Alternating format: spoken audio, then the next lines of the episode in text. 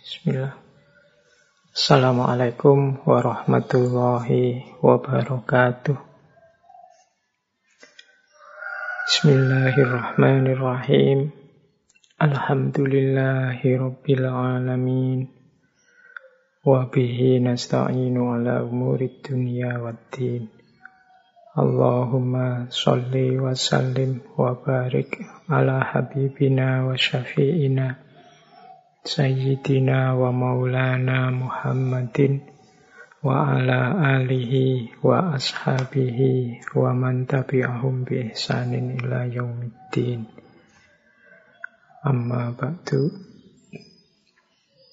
Bismillah mari kita lanjutkan ngaji kita, rutinan kita setiap Rabu malam Kamis.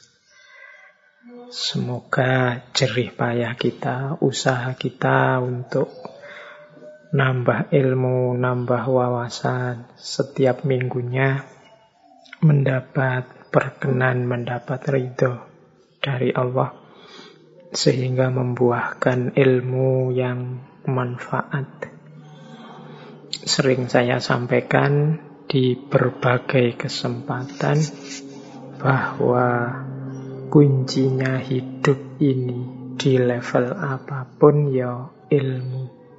Ilmu itu dikombinasikan dengan apa pun hasilnya mesti positif. Kebalikan dari ilmu itu kebodohan. Sebaliknya dari kebodohan kalau dia dikombinasikan dengan apa pun, hasilnya bisa negatif. Kemiskinan itu kalau ketemu ilmu melahirkan watak kona'ah. Jadi watak yang menerima apa pun keputusan Allah merasa cukup dengan apa pun yang dimiliki. Jadi miskin plus ilmu melahirkan kona'ah.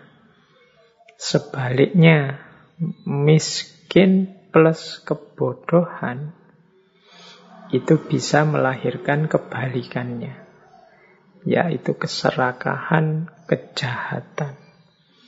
Jadi tidak terima kalau dirinya miskin, dia mengeluh, menuntut, gimana caranya aku harus segera cepat kaya, bisa-bisa melahirkan kejahatan kalau tidak ada ilmunya.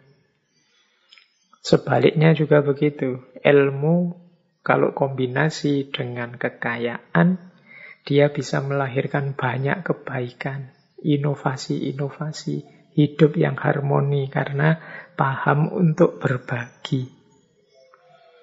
Jadi ilmu plus kekayaan melahirkan hidup yang lebih produktif, inovatif. Sebaliknya, kekayaan plus kebodohan, lawannya ilmu, dia bisa melahirkan kerusakan-kerusakan. Karena orang tidak ngerti, apalagi orang jahat, kok modalnya banyak. Wah ini dunia bisa tambah rusak. Ilmu kok kombinasi dengan kekuasaan, hasilnya indah, keadilan. Tapi kebalikannya ilmu, kebodohan kalau dia kombinasi dengan kekuasaan bisa lahir kezoliman, kediktatoran.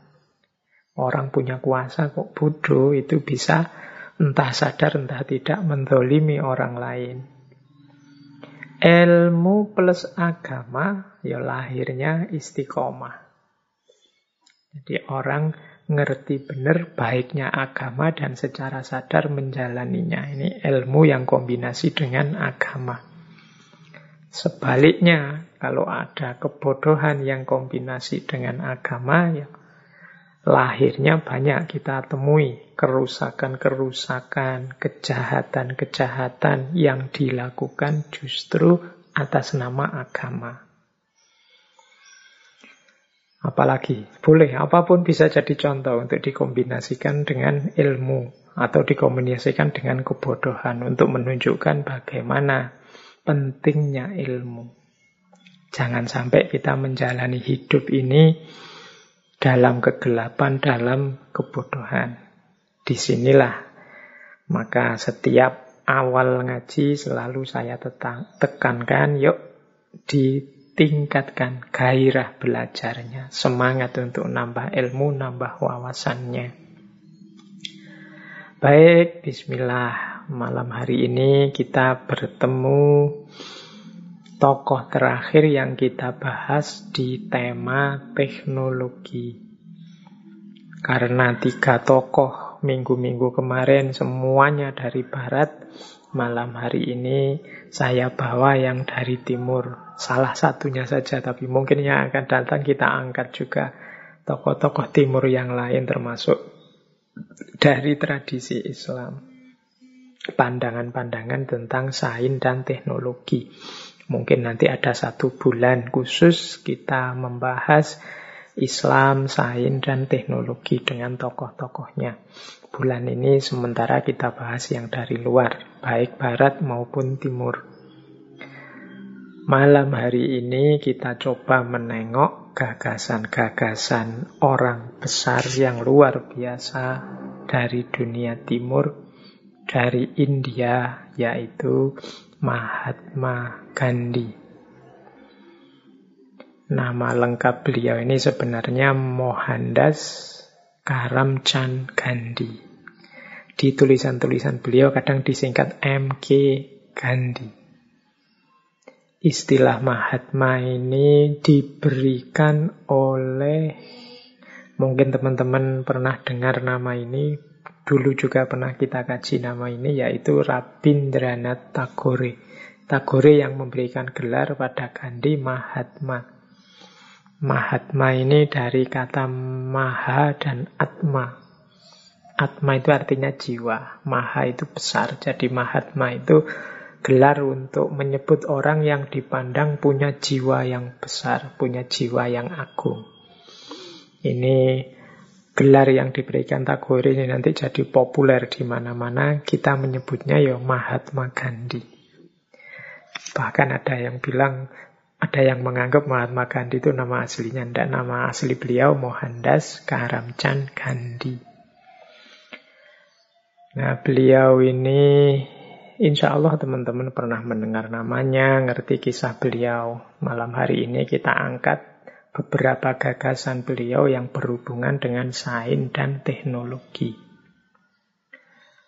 Beliau ini kelahiran Gujarat, India. Hmm, kalau mendengar nama daerah Gujarat, mungkin yang belajar masuknya Islam ke Indonesia pasti pernah mendengar nama Gujarat ini. Karena dulu para ulama, para da'i yang menyebarkan Islam ke Indonesia, sebagian berasal dari Gujarat atau transit di Gujarat, India. Nanti beliau meninggal di Delhi, kelahiran 1869, nanti beliau meninggal tahun 1948. Meninggalnya karena dibunuh oleh pengawalnya sendiri namanya Naturam Godse. Pengawalnya ini membunuh Gandhi karena tidak suka Gandhi ini kok sering membela umat Islam. Dia ini yang membunuh ini seorang nasionalis Hindu. Dia tidak senang Gandhi kok rukun amat tuh sama orang Islam. Nah, dia tidak senang pinginnya yang dibelain ya. Karena Gandhi sendiri seorang Hindu ya harusnya membela Hindu dong. Tapi Gandhi ini seorang nasionalis sejati.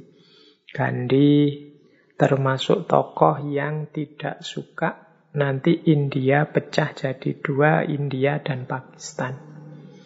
Beliau ini yo sejak muda aktivis untuk kemerdekaan, tapi beliau agak kecewa ketika nanti belakangan kok malah pecah.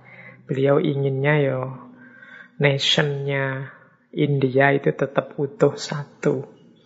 Tapi akhirnya mungkin karena tekanan banyak pihak juga Inggris yang saat itu berkuasa memecah India dan Pakistan dengan logika sederhana yang muslim-muslim nanti ditaruh di India, yang eh di Pakistan, yang Hindu di India. Karena dua kelompok ini sering tawuran, sering gegeran, sama-sama militannya. Nah, Gandhi ya, aslinya keilmuan beliau ini hukum. Beliau belajar hukum di Inggris. Nanti setelah lulus jadi pengacara, kemudian beliau pergi ke Afrika Selatan untuk praktek pengacara. Tapi sayangnya di sana beliau mengalami berbagai pengalaman diskriminasi ras. Yang zaman itu teman-teman mungkin pernah dengar ya istilah apartheid. Jadi di, beliau mengalami kerasnya rezim apartheid yang sangat diskriminatif terhadap orang-orang kulit hitam. Akhirnya beliau balik ke India memutuskan untuk jadi aktivis politik saja karena beliau melihat dengan punya kekuasaan politik bisa mengontrol bahkan juga mengubah hukum-hukum yang mungkin punya kecenderungan diskriminatif. Nah, ini jadi mungkin di antara teman-teman ada yang punya pandangan politik itu kotor, politik itu rusak, tapi sebenarnya politik juga bisa jadi alat kita untuk mengatasi kezoliman, menegakkan kebenaran. Nah, visinya Gandhi ini itu dia pindah ke ranah politik dalam rangka kalau saya punya kuasa politik, saya bisa mengubah hukum-hukum yang diskriminatif ini biar menjadi manusiawi lagi. Kalau ada di antara teman-teman yang punya visi seperti ini, silahkan masuk ke politik. Tidak hanya karena kepentingan sesaat atau sebagai karir untuk mengumpulkan uang, numpuk kekayaan, tapi ada visi kemanusiaannya.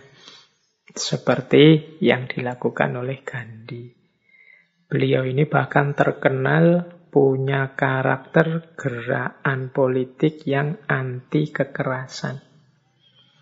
Ini zaman itu, bahkan mungkin zaman sekarang ini tidak terbayangkan bagaimana kita melawan, bagaimana kita resisten, memberontak, tapi tanpa kekerasan. Sekarang pun sekedar demo, unjuk rasa aja kadang-kadang kita akan penuh dengan adegan-adegan kekerasan. Tapi bagi banyak orang, Gandhi ini sukses dengan politik anti kekerasannya. Sehingga jalannya nanti diikuti banyak orang. Misalnya mungkin teman-teman pernah dengar nama Martin Luther King Jr. atau Nelson Mandela yang terinspirasi oleh gerakannya Gandhi ini. Nanti ada istilah namanya Satyagraha. Satyagraha ini jalan kebenaran. Ini yang jadi hitohnya perjuangan Gandhi. Dulu pernah kita bahas juga tentang Gandhi ini. Khususnya tentang pandangan-pandangan humanistiknya. Khususnya tentang pandangan anti kekerasannya. Saya lupa di sesi ngaji filsafat yang keberapa itu saya membahas Mahatma Gandhi. Tapi malam hari ini yuk kita lanjutkan sebentar sedikit kita tambahi wawasan tentang Gandhi khususnya yang berhubungan dengan sains dan teknologi. Bagi saya, tokoh-tokoh teknologi yang kita bahas bulan ini itu sebenarnya visinya adalah untuk ngerem hasrat dan ambisi kita untuk lari cepat di ranah teknologi sehingga banyak hal terlewatkan, khususnya hal-hal yang berhubungan dengan kemanusiaan. Mulai Louis Mumford, Paul Virilio, minggu lalu ada Donna Haraway. Ini kan bagi saya bukan berarti mereka ini anti teknologi, tapi manusia harus memperhatikan efek-efek, dampak-dampak, atau apa pun yang terlewatkan karena begitu cepatnya kita lari di ranah teknologi. Betapapun teknologi itu kan harusnya alat yang memudahkan kita kalau itu alat, harusnya kita yang memperbudak menggunakan teknologi, tidak sebaliknya. Kritik-kritik kemarin-kemarin tentang teknologi itu kan sebaliknya. Ternyata manusia hari ini itu malah diperbudak oleh teknologi.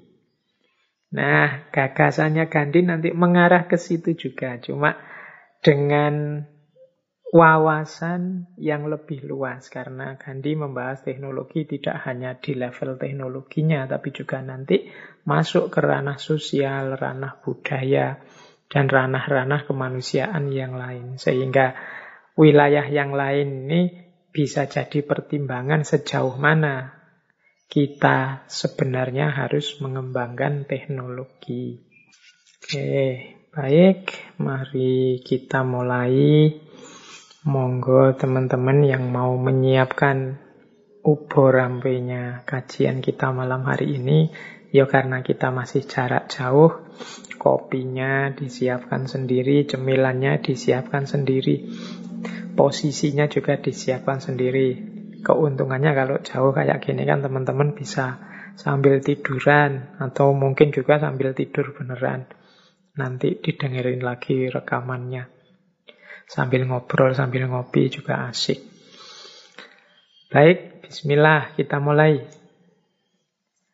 Yang pertama, saya awali dulu ya dari prinsip-prinsip kunci menurut saya yang bisa kita teladani dari keseluruhan gagasan termasuk perilaku yang dijalani oleh Mahatma Gandhi. Yang pertama, ini prinsip-prinsip positifnya.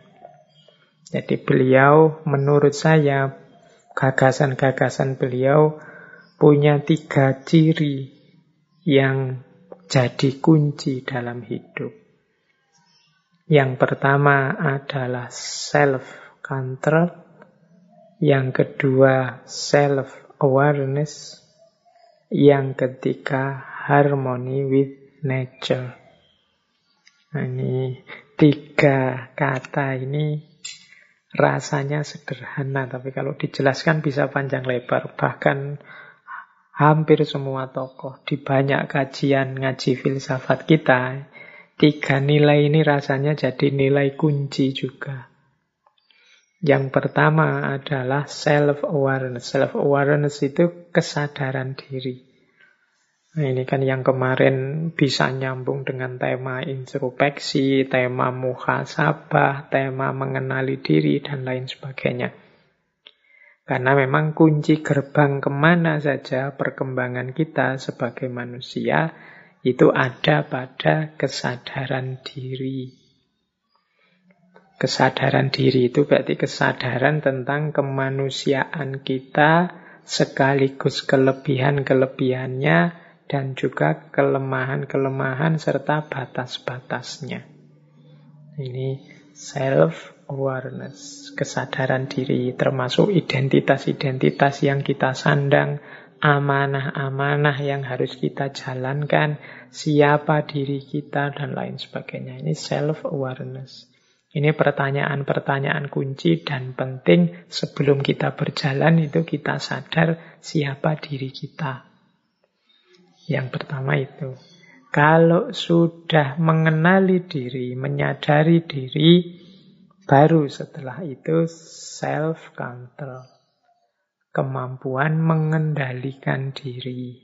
Mengendalikan diri itu ya seperti saya bilang kemarin-kemarin, kita harus pinter kapan ngegas, kapan ngerem, kapan lari, kapan istirahat, kapan jalan saja, tidak usah lari. Nah, ini namanya self-control. Kapan kita harus maju, bersemangat, berjuang, kapan kita harus sabar, menunggu, dan tawakal. Ini kemampuan mengendalikan diri. Di sinilah kita butuh kebijaksanaan, kita butuh wisdom, kita butuh nalar yang panjang. Jadi setelah kita memahami diri kita, kelebihan, kekurangan kita di mana, setelah itu kan kita mengendalikan diri kita. Apa yang harus aku lakukan, apa yang jangan saya lakukan. Banyak di antara kita yang gagal bukan karena tidak punya kemampuan, tapi karena salah timing. Waktunya orang bergerak, dia diam. Waktunya diam, dia malah ngeyel, bergerak. Akhirnya tidak sukses, salah waktu. Sama kayak orang tinju apa orang sepak bola itu. Waktunya ditendang langsung malah diumpan. Waktunya diumpan saja ditendang langsung ya ndak gol. Orang tinju juga begitu. Kapan harus bertahan, kapan harus menyerang, itu kan kita harus pinter. Ini dalam hidup namanya self control. Jangan mentang-mentang, Pak, saya ini kan orangnya ambisius, Pak. Keinginan saya banyak, berarti saya harus cepet ini. Hidup saya pendek, harus saya maju saja terus. Halangan apa pun diterjang. Iya, tapi Engkau juga harus ngerti kapan berhenti sebentar, kapan direm. Kuatirnya kamu maju, tidak peduli kiri kanan, ternyata salah jalan. Ternyata di belakang banyak yang terlewatkan. Orang lain yang berjalan dengan kecepatan tidak seperti engkau dapat banyak. Karena engkau lari terlalu cepat, tidak dapat apa-apa. Di sinilah pentingnya self-control. Makanya ini sebentar lagi kita akan mau puasa ini. Puasa itu kan momen kita belajar self-control, menahan diri. Jadi tidak mentang-mentang punya, tidak mentang-mentang bisa, terus dilampiaskan sak pol-pole. Kita harus punya kemampuan ngerem, menahan diri, self-control. Jadi seandainya hidup kita ini ada semacam remote controlnya, ya remote controlnya itu diri kita sendiri yang ngatur. Jangan kita di remote control oleh orang lain. Terus yang ketiga, harmony with nature. Jadi bagaimana kita hidup ini yang fitri, yang alami, selaras dalam kedudukan kita di tengah alam semesta. Jangan memposisikan diri di luar nature, apalagi di atas nature. Kita ini bagian dari nature dengan kelebihan dan kekurangan kita sendiri. Jadi ini yang ketiga, hampir semua ajarannya Gandhi ya, ada karakter tiga ini. Self-awareness, self-control, dan harmony with nature. Harmoni dengan alam semesta.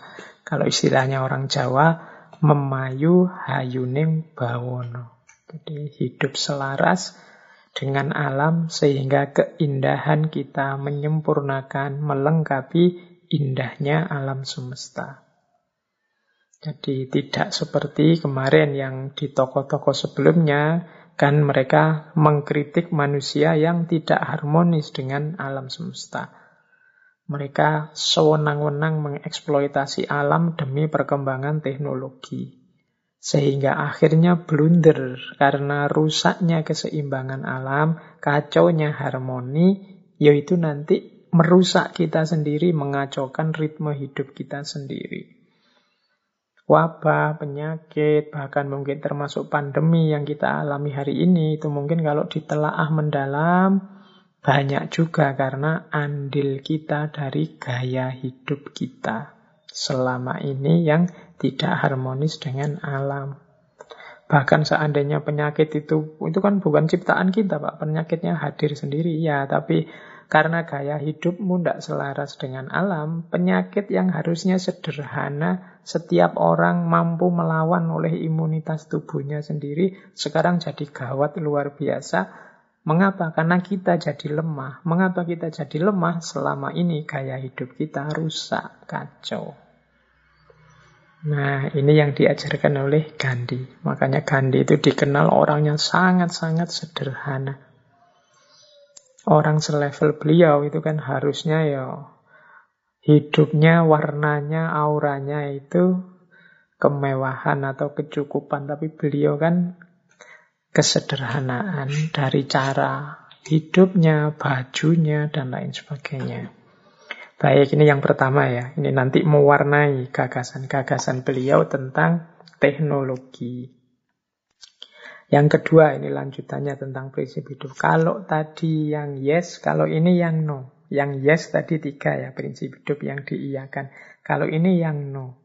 Jangan sampai kita masuk atau punya kualifikasi seven sins ini. Orang sering menerjemahkannya tujuh dosa.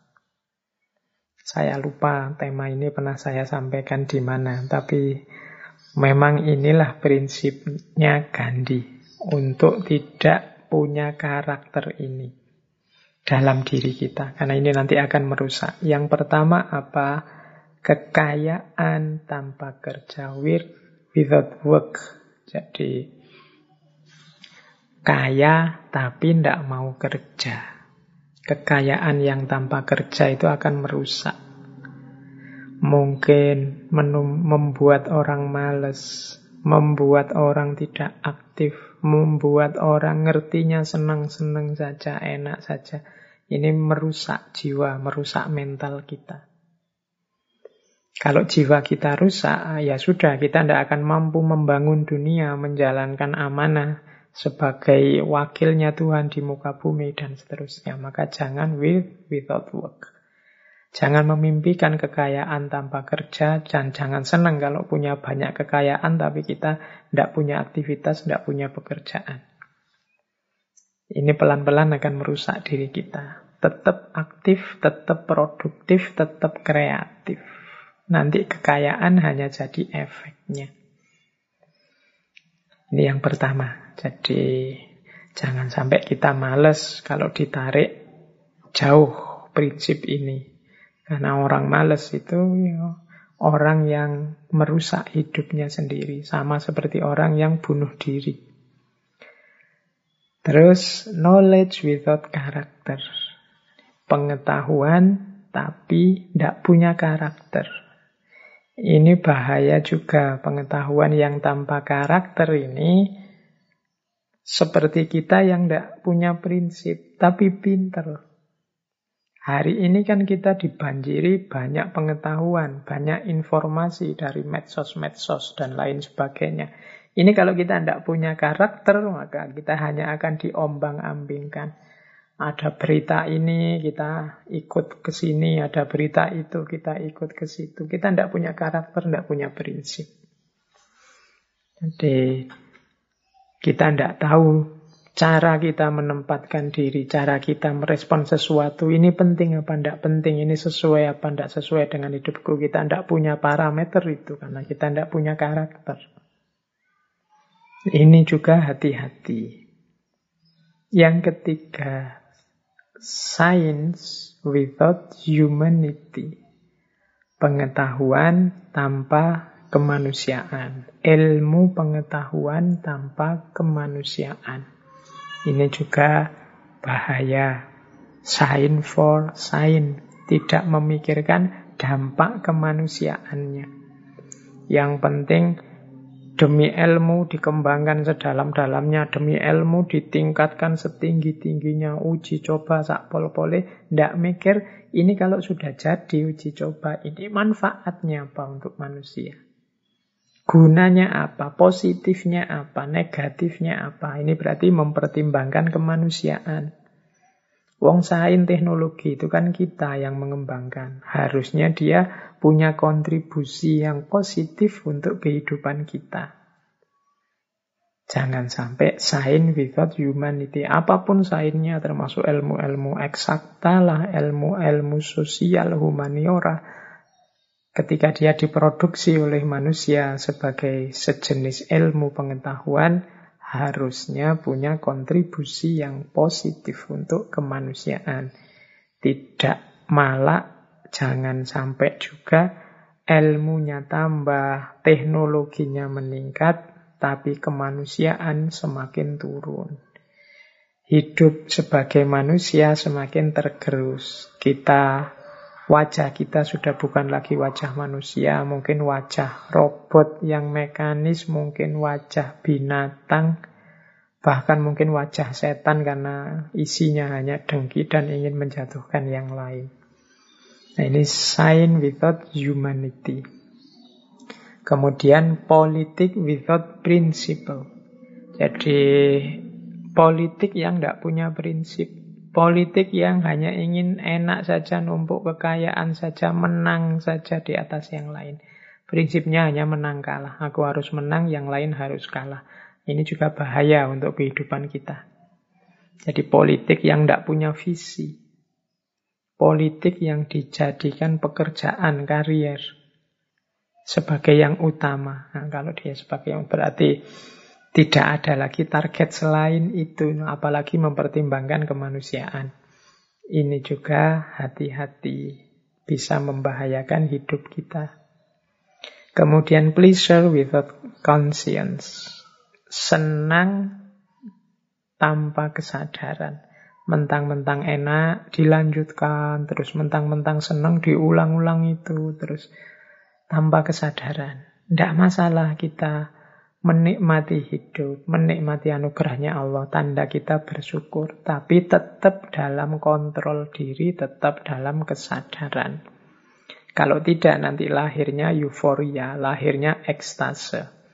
Orang yang tidak sadar dalam kesenangannya, kenikmatannya, kegembiraannya. Sehingga kadang-kadang ucapannya tidak kontrol, perilakunya tidak kontrol, mentang-mentang menang, senang, terus ngomongnya malah menyakiti, perilakunya menyusahkan orang, dan lain sebagainya.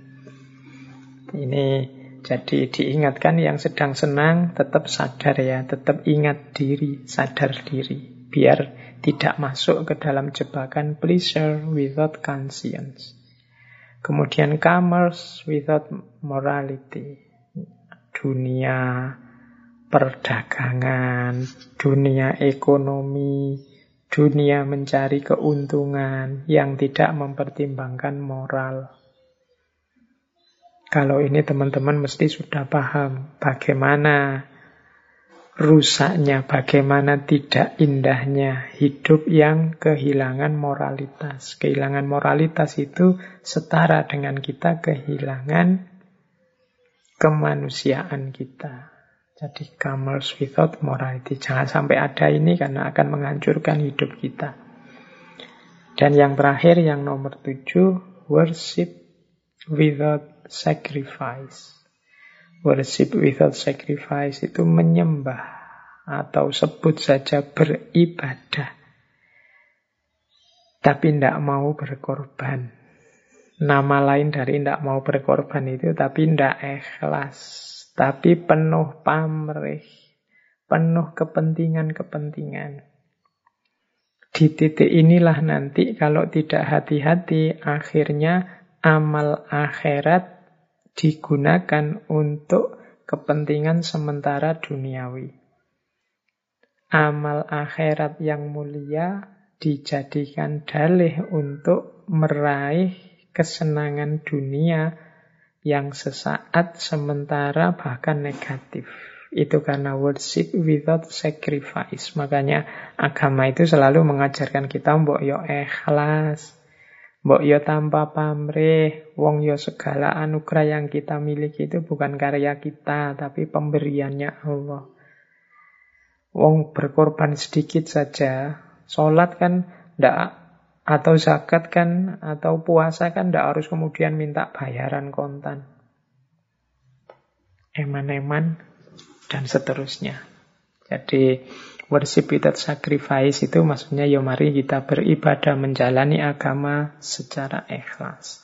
Tidak karena pamrih-pamrih yang sifatnya pinggiran tidak penting. Eman-eman kehidupan mental spiritual kita. Ini juga akan merusak hidup kita. Oke, baik. Jadi ini prinsip yang no ya. Jangan sampai ada ini dalam hidup kita. Kekayaan kita ya hasil kerja keras kita. Pengetahuan ya, ilmu ya, tapi tetap berkarakter dan demi kemanusiaan. Berpolitik tapi kita punya prinsip-prinsip. Kebenaran, kebaikan, keindahan, harmoni yang ingin kita wujudkan dalam kehidupan berbangsa, bernegara.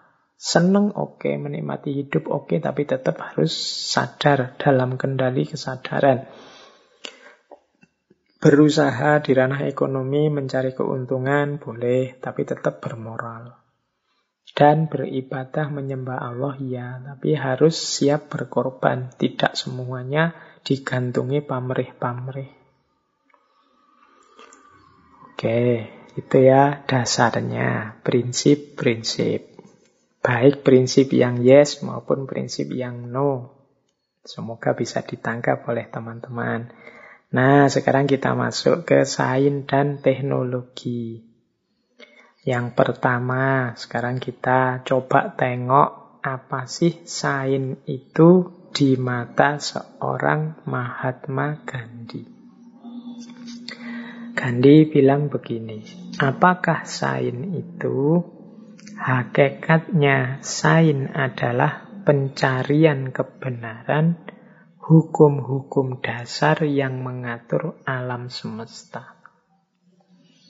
Jadi berarti ilmu pengetahuan itu berarti menurut Gandhi ya sebenarnya hasil dari kita mencari, memahami hukum alam ini baik hukum materi, hukum sosial, hukum jiwa psikologi, hukum ekonomi, hukum politik, semuanya kan ada pola-polanya. Kalau bahasanya agama ada sunnatullahnya. Dengan pola inilah alam semesta ini beredar, berkembang. Kita manusia mengejar memahami pola-pola ini untuk nantinya kita daya gunakan kita manfaatkan demi kemaslahatan yang lebih luas, lebih besar. Itulah sebenarnya sain. Jadi sain itu tidak sekedar hafalan ilmu dan teori-teori, tapi di balik itu sain adalah upaya pencarian kebenaran. Nah, Terus ukurannya dia sukses apa? Ukurannya dia memang pas disebut sain apa? Menurut Gandhi, sain dapat disebut sain kalau mampu memberikan kepuasan sepenuhnya kepada kelaparan tubuh, pikiran, dan jiwa.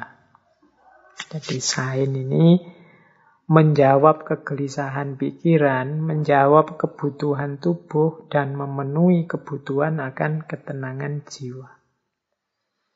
Di, di titik ini nanti sain itu punya standar-standar, ukuran-ukuran. Ukurannya apa? Sain ini manfaat, sain ini sukses.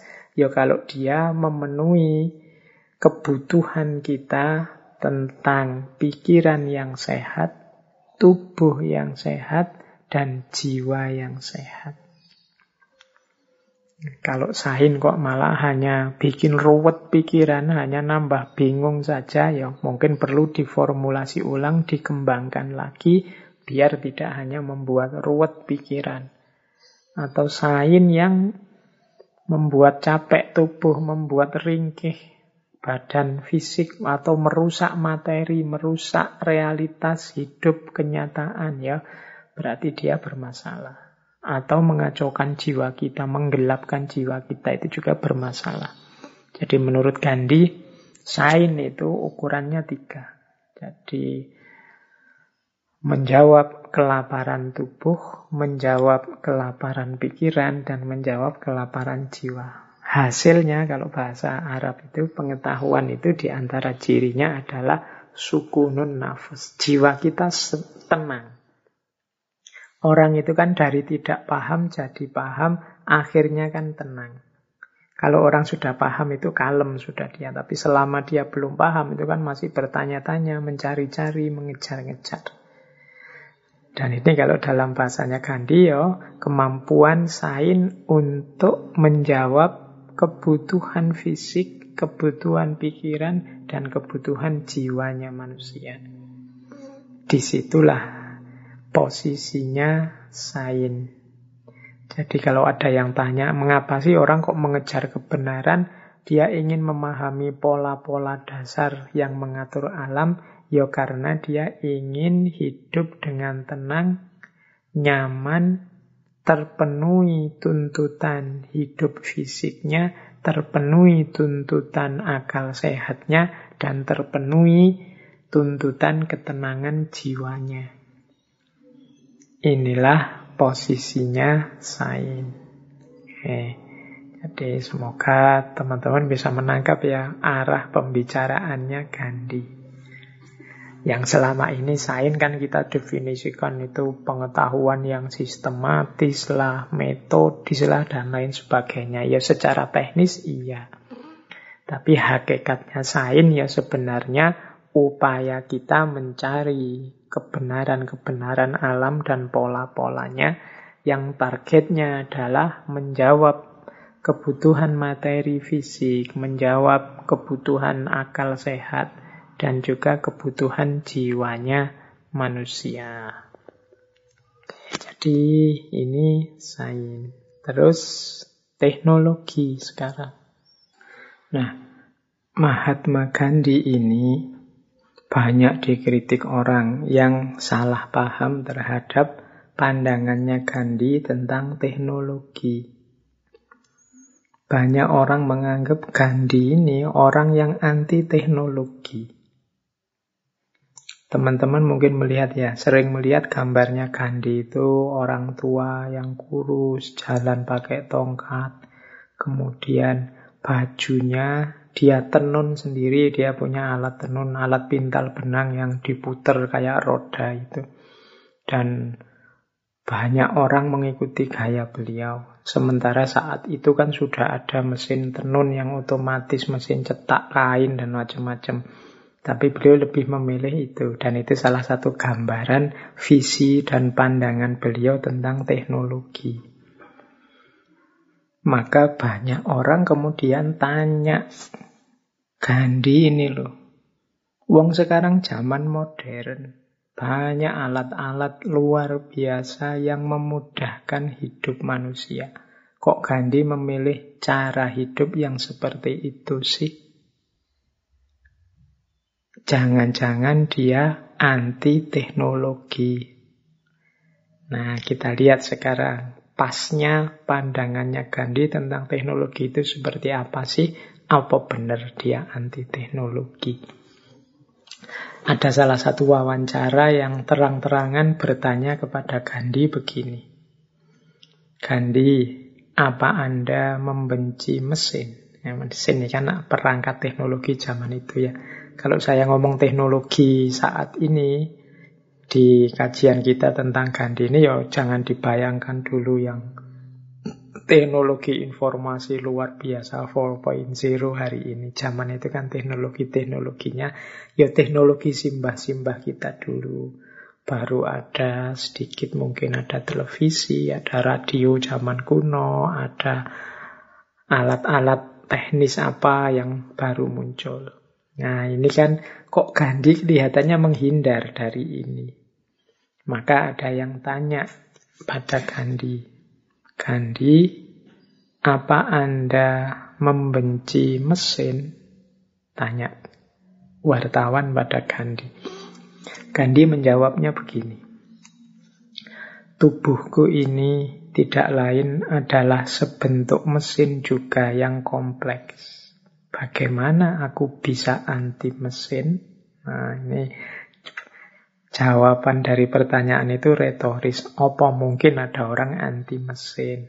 Wong ya tubuh kita ini kan kerjanya jantung, ginjal, usus dan macam-macam ini kan seperti mesin, seperti sebuah mesin yang rumit. Tidak mungkin orang bisa anti mesin.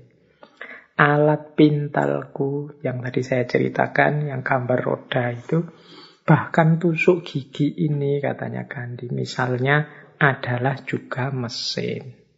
Jadi tegasnya tidak mungkin ada orang kok anti mesin. Dilanjutkan begini oleh Gandhi. Aku tidak membenci mesin. Namun aku benci kesukaan yang berlebihan kepada mesin. Jadi, yo dengan kalimat yang berbeda, aku tidak membenci mesin, tapi aku benci kalau ada orang hidupnya tergantung kepada mesin. Aku tidak suka mesin yang melemahkan kekuatan manusia. Ada yang membicarakan tentang mesin yang mampu menghemat kerja manusia. Sementara ribuan orang tercampak ke pinggir jalan tanpa pekerjaan. Nah, kalau ini mengkritik di ranah sosial ekonomi. Pengembangan-pengembangan teknologi hari ini menciptakan mesin yang menggantikan posisi manusia itu apa sudah memperhatikan orang yang selama ini bekerja di situ. Yang sekarang posisinya digantikan oleh mesin. Ribuan orang tercampak ke pinggir jalan jadi pengangguran.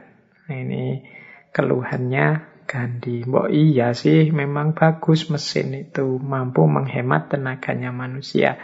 Tapi ini loh orang-orang yang kemudian di PHK semua, disingkirkan semua dari pekerjaannya. Terus gimana? Apa kita juga berpikir tentang itu? Iya, itu kata-kata selanjutnya. Aku ingin tenaga dan waktunya manusia dapat dihemat. Namun bukan hanya untuk sekelompok orang, namun untuk semua manusia. Maksudnya apa? Yalah, kalau ada mesin, tenaga manusia hemat memang menguntungkan. Tapi mbok yo jangan menguntungkan hanya sekelompok orang saja. Tidak bisakah diatur menguntungkan semua orang? Kalau yang mesin-mesin yang menggantikan manusia tadi, ini sebenarnya sudah ada di analisisnya Karl Marx dulu tentang kapitalisme. Semakin pemilik modal mampu efektif menggunakan mesin, maka kemudian terjadi PHK besar-besaran. Dan semakin mereka bisa ini, semakin mereka kaya. Yang kaya semakin tambah kaya, yang miskin semakin tambah miskin.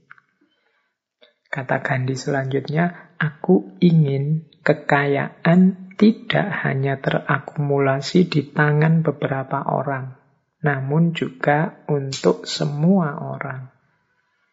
Nah ini mulai kelihatan visinya Kandinda. Saya ndak anti teknologi, saya ndak anti mesin. Tapi mbok yo pengembangan teknologi, pengembangan mesin-mesin itu mempertimbangkan situasi kemanusiaan.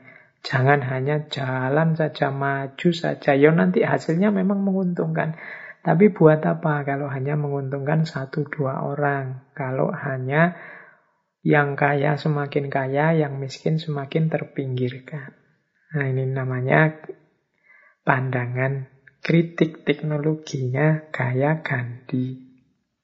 Oke, yo nanti kritik juga bisa dikritik lagi, tapi kan paling tidak kita mulai paham ini. Saya khawatirnya gagasan-gagasan seperti Gandhi ini, entah berapa tahun yang akan datang, akan laku lagi karena kita kehabisan sumber daya alam. Kita hari ini terlalu rakus, terlalu serakah sehingga banyak nanti sumber-sumber daya alam itu tidak lama lagi akan habis. Kemudian kita baru sadar pentingnya gagasan Gandhi ini tentang kesadaran pengembangan teknologi yang manusiawi. Baik, kita lanjutkan. Ini kalimatnya Gandhi selanjutnya mesin memiliki tujuannya sendiri dan mereka akan selalu seperti itu berbagi ruang dengan kita. Namun mereka jangan sampai meruntuhkan kontribusi manusia sampai unit terakhir. Jadi maksudnya, ya kita ini hari ini memang hidup kita berbagi ruang dengan mesin-mesin. Tapi semoga tidak nanti semua ruang hidup kita dipenuhi mesin sampai kita sebagai manusia tersisihkan. Mungkin secara fisik kita tidak tersisihkan, tapi secara sistem hidup kita tersisihkan karena kita total diatur oleh mesin. Ini yang dikhawatirkan oleh Gandhi. Yo karena itu di awal-awal modern yo ilustrasinya masih sederhana. Misalnya ini katanya Gandhi, ditemukan alat bajak yang canggih. Ini alat untuk membajak sawah maksudnya. Alat membajak yang canggih ini alhamdulillah efektif. Kerja para petani lebih ringan.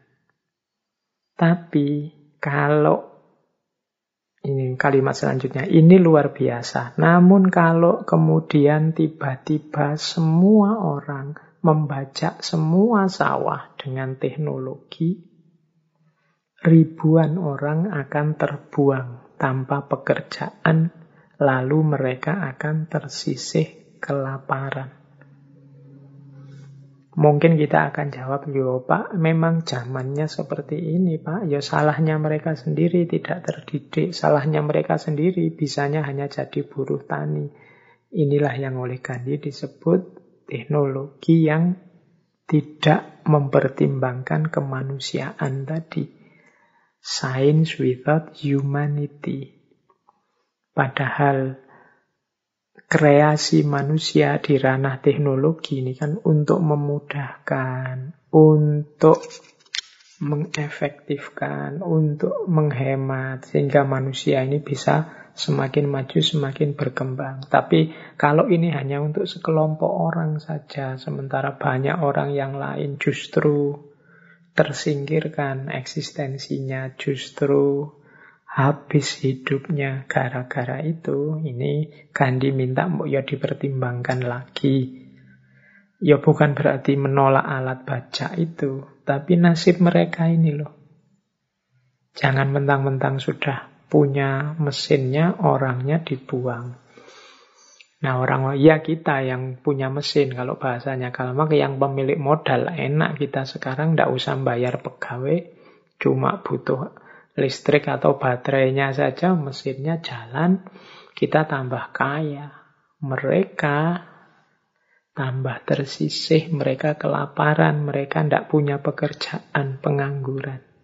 Ini semoga juga menjadi pikiran para pengembang teknologi, ya khususnya juga pemerintah yang mengatur semuanya. Nah, terus jadi ini ya, dari sini mulai kelihatan oh, pandangannya Gandhi tentang teknologi ini seperti ini. Baik, saya tegaskan lagi ini detailnya bagaimana cara menyikapi mesin menurut Gandhi. Jadi intinya begini, Mahatma Gandhi itu menolak mesin yang nantinya hanya menimbulkan kalau bahasa agama itu mudorot, efek negatif. Kita itu kalau ada perkembangan teknologi baru yang pertama-tama kita perhatikan kan manfaatnya atau kecanggihannya atau kedahsyatannya. Dan terus kita wow, terpesona, berlomba-lomba untuk mengadopsi mesin itu. Nah, sebaliknya Gandhi melihat ke sisi yang berbeda, yaitu efek hadirnya teknologi ini. Maka menurut Gandhi, ayolah tidak apa-apa kalau memang perkembangan teknologi menuntut ke sana. Tapi tolong jangan sampai teknologi-teknologi baru ini punya efek-efek yang negatif. Apa saja efek negatif itu? Menurut catatannya Gandhi, setidaknya ada lima efek negatif yang semoga difikirkan oleh mereka yang mengembangkan teknologi. Ya termasuk pemerintah yang memfasilitasinya. Yang pertama apa? Jangan sampai sepenuhnya mengganti manusia dengan mesin. Jangan sampai mengganti sepenuhnya human labor dan tidak hanya yang diganti itu unnecessary labor. Ya memang kalau posisi-posisi kerja yang tidak penting, tidak vital, diganti, ya tidak apa-apa. Tapi jangan semua posisi manusia digantikan oleh mesin. Karena nanti efek baliknya akan dirasakan manusia sendiri. Kita akhirnya bukan jadi yang mengendalikan dan memanfaatkan mesin, tapi sebaliknya kita akan dikendalikan dan disetir oleh mesin. Yang kedua, materialis anti-human. Yang dikalkulasi hanya keuntungan materinya saja. Melupakan kemanusiaan. Ini juga jangan pasti perkembangan teknologi itu menguntungkan pasti. Secara waktu, secara biaya, secara tenaga. Tapi kan tidak boleh sampai menyingkirkan manusianya. Kalau menyingkirkan manusianya, ini namanya blunder. Karena teknologi itu diciptakan oleh manusia, kok kemudian malah menyingkirkan manusia. Semoga tidak terjadi yang seperti ini.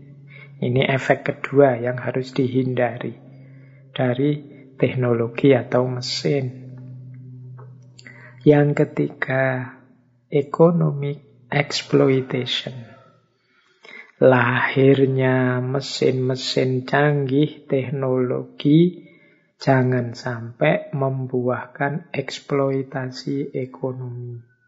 Eksploitasi ekonomi itu yang punya modal karena sekarang punya mesin menggenjot sekeras-kerasnya roda ekonomi sehingga dia sangat untung sementara orang lain yang tersisih jadinya sangat kesulitan di bawah. Jadi jarak sosial semakin jauh karena terjadi ekonomik eksploitasi.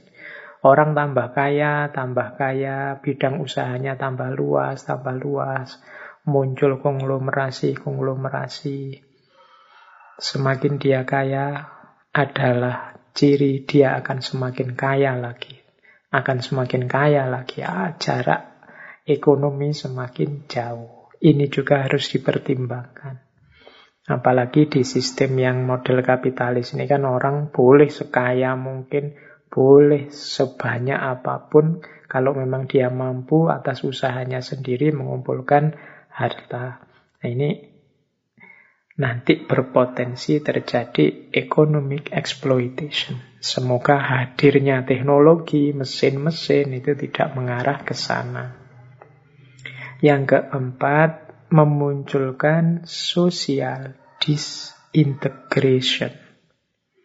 Ketika eksp, apa, ekonomi dieksploitasi, teknologi anti manusia, posisi manusia diganti mesin, banyak orang tersingkirkan, banyak orang tercampakkan ke pinggir, dan terjadi disintegrasi sosial. Ini kalau dalam gagasannya Karl Marx ini jadi unit analisis bahwa pada saatnya kapitalisme itu akan runtuh dengan sendirinya. Mengapa? Orang-orang yang tersingkirkan ini pasti akan melawan, memberontak, merebut harta, merebut alat-alat produksi. Mengapa? Jarak sosialnya terlalu jauh. Jadi yang sana semakin kaya, semakin kaya, sini tambah susah, tambah susah. Akhirnya kalau jalan buntu, pecah. Mungkin bisa terjadi kerusuhan-kerusuhan sosial. Masyarakat yang sumbu pendek, mudah disulut, mudah gegeran. Nah ini jangan sampai muncul ini. Padahal tadi harusnya teknologi itu memudahkan di banyak level. Tapi kalau kita tidak hati-hati, dia akan jadi sumber bencana yang bisa memusnahkan eksistensi manusia. Yang kelima, jangan sampai teknologi juga menyuburkan individual greed, keserakahan manusia. Orang itu kan selalu tergoda kalau memang ada kesempatan untuk tambah kaya terus, tambah kaya terus. Tidak akan ada stopnya. Nah, kalau ini ada ayatnya dalam Al-Quran kan ada itu Alhaqumut takathur hatta zurtumul makobir. Jadi kalian akan berlomba-lomba banyak-banyakan harta. Sampai terlena, tidak sadar. Kita terlibat dalam kompetisi untuk takasur. Dan tidak ngerti batas. Enak enak punya kekayaan, dapat harta itu tidak ada merasa cukup. Para konglomerat itu kalau ditanya, Bapak ini kan sudah punya apa saja, kira-kira masih ada yang diinginkan. Pasti masih ada, masih ingin ini, ingin itu, membereskan ini, membereskan itu masih. Individual greed, jangan sampai teknologi membuahkan individual greed. Ini juga akan jadi blunder. Teknologi yang harusnya meningkatkan kualitas, menjamin hidup manusia, Jangan sampai justru menghancurkan kehidupan manusia itu sendiri. Ada banyak kan film-film Hollywood yang mengilustrasikan bagaimana ketika bumi ini dikuasai oleh mesin yang justru awalnya adalah ciptaannya manusia sendiri. Dan pada gilirannya mereka memusnahkan manusia. Dan kita tidak akan selamat kecuali ada superhero-nya. Nah, itu kalau ceritanya film Hollywood. Nah, ada satu quote yang populer sekali dari Gandhi.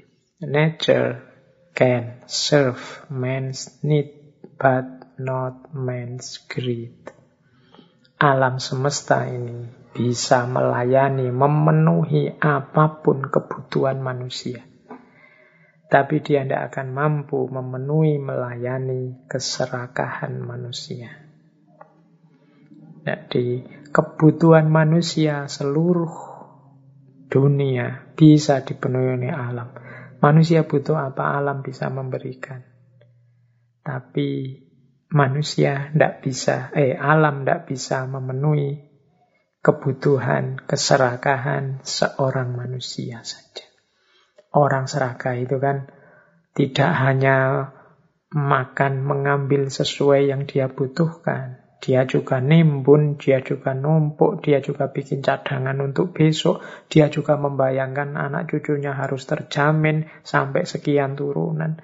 Kemudian kalau anak cucunya hitungannya sudah beres, kerabatnya juga harus begitu, mungkin temannya juga harus begitu. Dia punya seribu, ingin sejuta lebih aman mungkin kalau punya sejuta. Ini kalau punya sepuluh juta lebih tentram hidupku. Punya sepuluh juta, kalau punya seratus juta terus, tidak ada akhirnya. Itu men's greed. Kalau menghadapi men's grip, nature angkat tangan. Tapi menghadapi men's need, apa kebutuhan manusia secukupnya, sewajarnya, insya Allah sebanyak apa pun manusia bisa dipenuhi oleh alam. Tapi untuk keserakahan manusia, bahkan mungkin keserakahan satu orang saja, alam angkat tangan. Karena manusia itu kalau sudah serakah, tidak kenal batas. Kalau sudah tamak, tidak ngerti berhenti. Bahkan statusnya sudah konglomerat yang hartanya tidak bisa dihitung lagi, itu pun dia masih punya, ingin mengembangkan lagi, mengembangkan lagi. Bahkan yang ada di posisi paling tinggi sekalipun, mungkin menteri, mungkin presiden, mungkin raja, mungkin apa pun, masih ada saja yang diinginkan. Ini namanya men's greed. Ketamaan, keserakahan manusia. Kalau untuk men's greed, nature tidak bisa melayani. Tapi untuk men's need, sebanyak apa pun butuhnya, asal normal, wajar, alam bisa memenuhi. Ini wanti-wantinya Mahatma Gandhi. Kalau kita sambungkan dengan dunia teknologi tadi, semoga teknologi ini kita kembangkan dalam konteks kebutuhan kita, bukan dalam konteks keserakahan kita. Keserakahan itu tamak, ingin lebih besar lagi, ingin lebih besar lagi. Ya saya kasih contoh hari ini, semoga tidak ada yang tersinggung ya. Misalnya HP, alat komunikasi smartphone kita itu kita butuhnya berapa sih untuk komunikasi mungkin butuh yang RAM berapa, yang ROM berapa, untuk nyimpen foto butuh yang berapa. Untuk foto-foto sebenarnya kita ini kan bukan tukang foto, juga bukan ahli fotografi, tidak ingin berkarir di fotografi. Sebenarnya ya cukup sudah kalau hanya pakai yang standar, misalnya kamera yang sekian. Ini kalau men's need tapi begitu men's greed, keserakahan, wah kita ingin yang update terbaru, produk terbaru, yang speknya paling tinggi, terus begitu. Ini namanya men's greed. Nah, pengembangan teknologi kalau meladeni men's greed, ya hati-hati pada akhirnya akan berbalik, bisa menyusahkan manusia sendiri. Baik, ya ini bukan kok terus berarti tidak usah teknologi saja, ya tidak begitu itu namanya mutung. Kalau bahasa Jawanya mutung ya, saya tidak tahu bahasa Indonesia ini mutung itu apa. Ya pokoknya mutung. Nah, bukan begitu. Ya, teknologi tetap kita kembangkan. Tapi distribusinya, pemanfaatannya, strategi pengembangannya harus mempertimbangkan nilai-nilai kemanusiaan plus kebutuhan real normal kita. Maka nanti dari situ Mahatma Gandhi punya konsep lima prinsip untuk bagaimana kita memanfaatkan teknologi. Ini semoga bisa jadi perhatian kita. Yang pertama apa? Prinsip pemanfaatan teknologi itu versinya Gandhi. Yang pertama, semoga teknologi tidak menyingkirkan nilai-nilai tradisional yang jadi dasar hidup kita. Itu tradisional saya kasih tanda petik ya biar tidak salah paham. Maksudnya apa? Ya, teknologi masuk, oke. Hidup jadi lebih mudah, oke. Tapi mbok kita jangan kehilangan nilai-nilai yang selama ini sudah kita yakini sebagai utama, mulia, baik. Yo, meskipun sudah ada HP, bukan berarti kan kita cukup silaturahim lewat HP saja. Kalau memang mungkin ya silaturahim fisik menjalin kedekatan, menjalin keintiman. Ini yang dimaksud jangan sampai menghilangkan nilai-nilai kebaikan, kebenaran, keindahan yang selama ini sudah kita yakini sebagai dasar hidup. Terus sampai sekarang corona Pak, ya contoh normal ini. Sekarang kan situasinya sedang tidak normal. Jadi kalau ada situasi pengembangan teknologi, tidak harus kemudian demi teknologi kita korbankan nilai-nilai tradisional atau nilai benar, baik, buruk yang selama ini kita yakini sebagai pasti benar. Yang kedua, pengelolaan pemanfaatan teknologi Semoga membantu kita, memudahkan kita untuk tetap hidup seimbang. Hidup yang sama-sama maju berkembang semuanya. Fisiknya berkembang, mentalnya berkembang, spiritualnya berkembang. Kemudian hidup yang multidimensi. Ekonomi, sosial, politik, budaya, semuanya juga berkembang. Jadi kalau ada teknologi ini mengefektifkan semuanya. Meningkatkan semuanya. Tidak hanya meningkatkan ranah sains, ranah teknik, tapi juga mungkin dengan adanya teknologi, mental kita semakin positif, spiritualitas kita semakin tinggi, hidup ekonomi kita semakin meningkat, budaya kita semakin lestari, terjaga, mungkin karena alat-alat teknologi informasi. Kehidupan sosial kita semakin intim, semakin akrab, mungkin lewat media-media sosial yang kita gunakan secara positif. Nah, ini namanya pemanfaatan teknologi yang manusiawi. Sambil juga pemerintah nanti memperhatikan kalau ada pihak-pihak yang sebagai konsekuensinya dirugikan. Misalnya tadi yang dipecat, yang terpinggirkan posisinya diambil alih oleh mesin dan lain sebagainya. Tapi semoga teknologi yang berkembang itu membuat hidup kita semakin seimbang. Mental, spiritual, fisikal. Yang kedua. Yang ketiga, ada proses take and give. Ini istilahnya take and give ya. Mungkin mudahnya ada dialektika antara teknologi dan nilai-nilai moral dalam kehidupan kita. Ini maksudnya apa? Ya perkembangan teknologi jangan meninggalkan nilai-nilai moral. Perhatikanlah nilai moral. Sebaliknya, penerapan nilai-nilai moral harus juga memperhatikan perkembangan teknologi yang terbaru.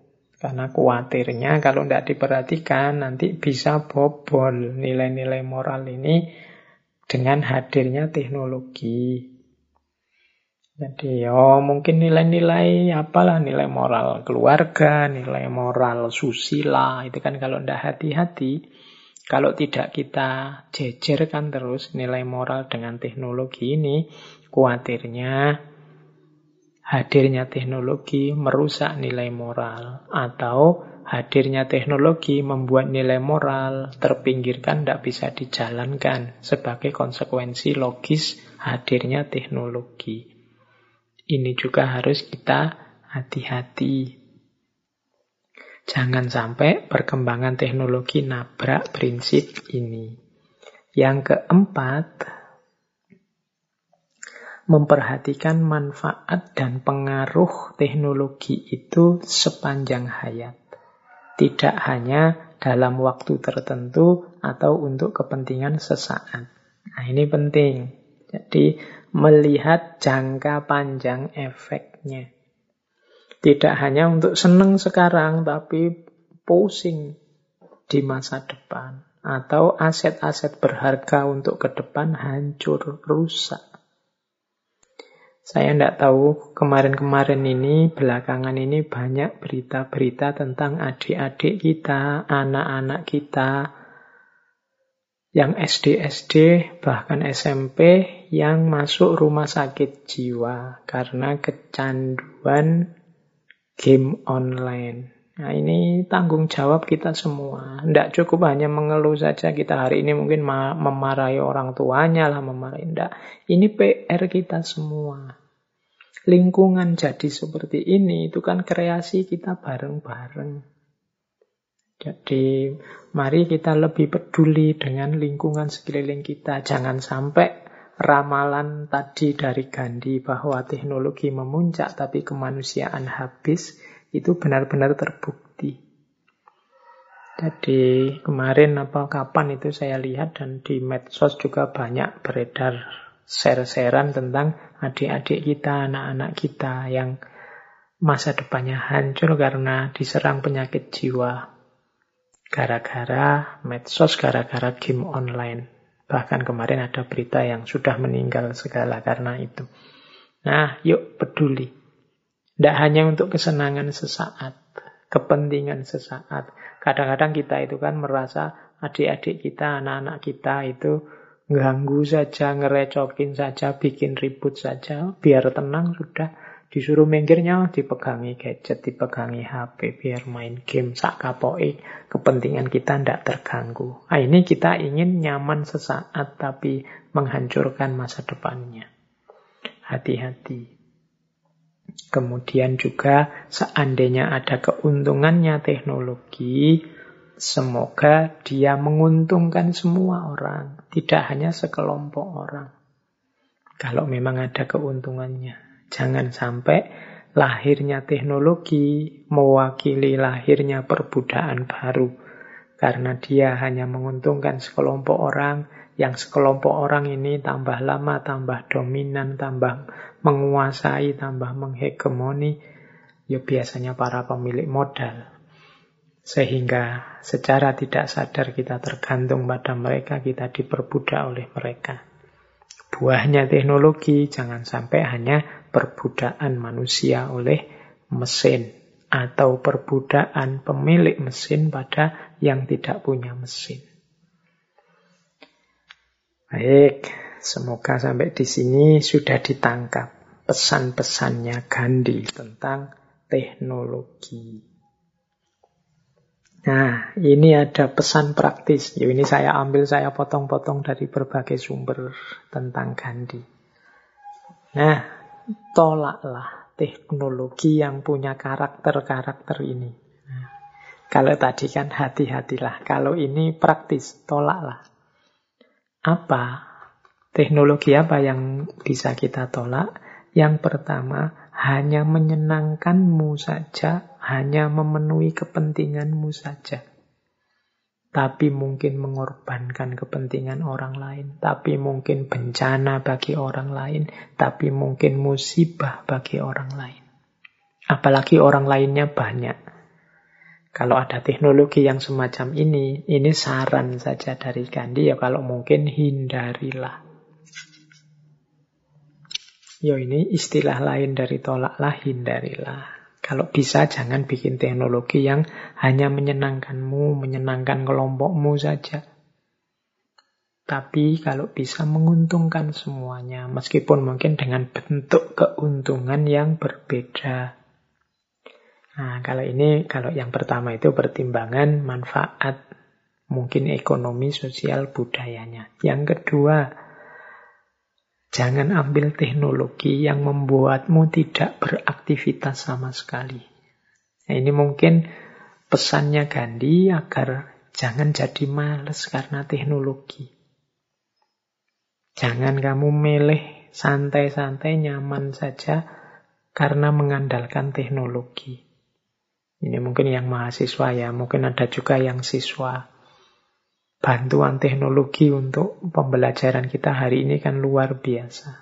Akhirnya apa-apa ya kita pasrahkan pada teknologi, kita pasrahkan pada Google untuk mengatasi problem, semua problem pembelajaran kita. Akhirnya membuat kita tidak beraktivitas sama sekali. Jangan lupa manusia yang tidak bergerak, tidak beraktivitas, tidak melakukan apa pun, ya menunjukkan sosok yang tidak terlatih, tidak teruji, tidak punya kompetensi, tidak punya kualifikasi.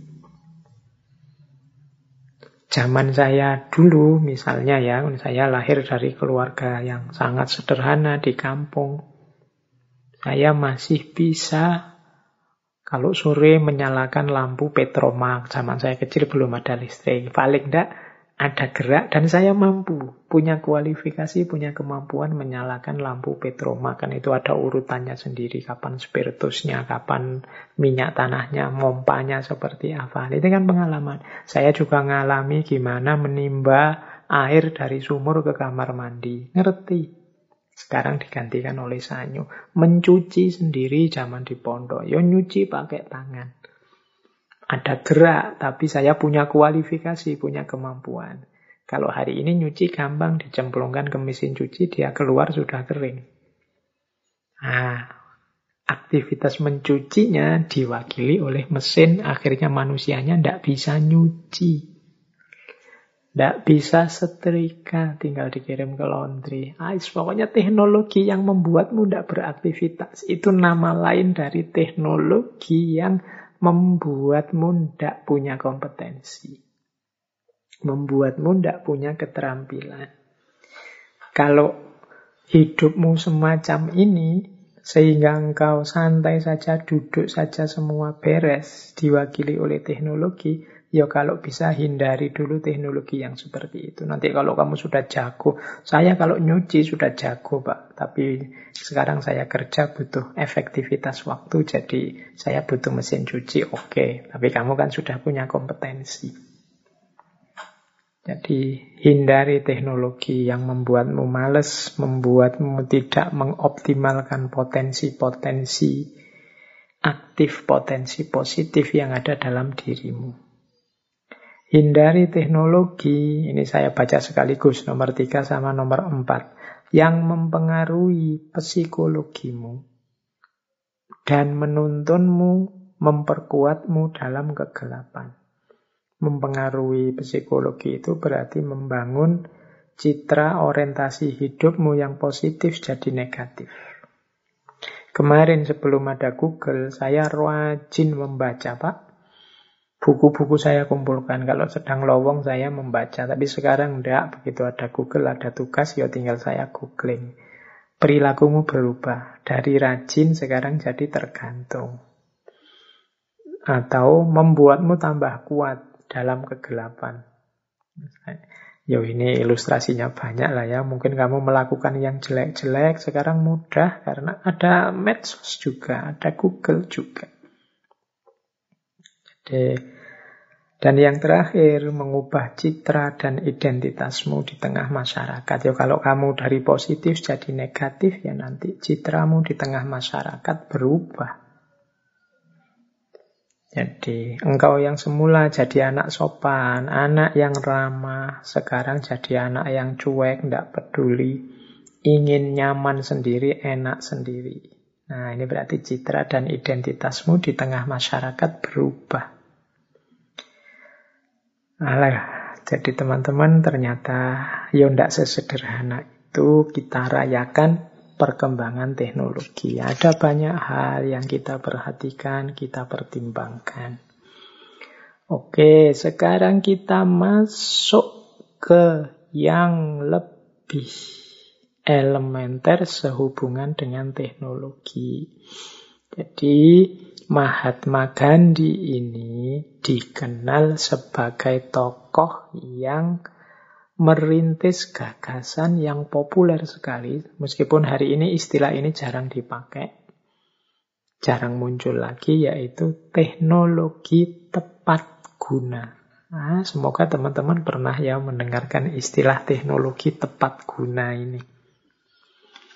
Kalau dalam bahasa Inggris ini pakai istilah biasanya appropriate technology atau non-konvensional teknologi atau alternatif teknologi atau cost effective teknologi atau low cost teknologi. Nah, dari istilahnya mungkin kelihatan ya maksudnya. Jadi, yo Mahatma Gandhi sendiri secara istilah memang tidak menyebut teknologinya itu sebagai appropriate teknologi apa non konvensional teknologi atau alternatif teknologi atau kalau di Indonesia sebutannya teknologi tepat guna. Ini istilah ini dulu zaman Orde Baru populer.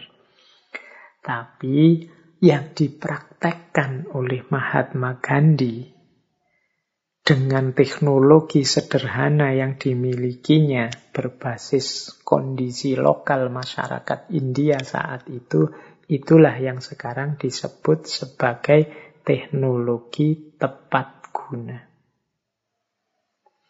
Nah, jadi ya nanti kita jelaskan lebih detail apa itu teknologi yang tepat guna, teknologi yang basisnya kondisi lokal sumber daya lokal dan masyarakat lokal.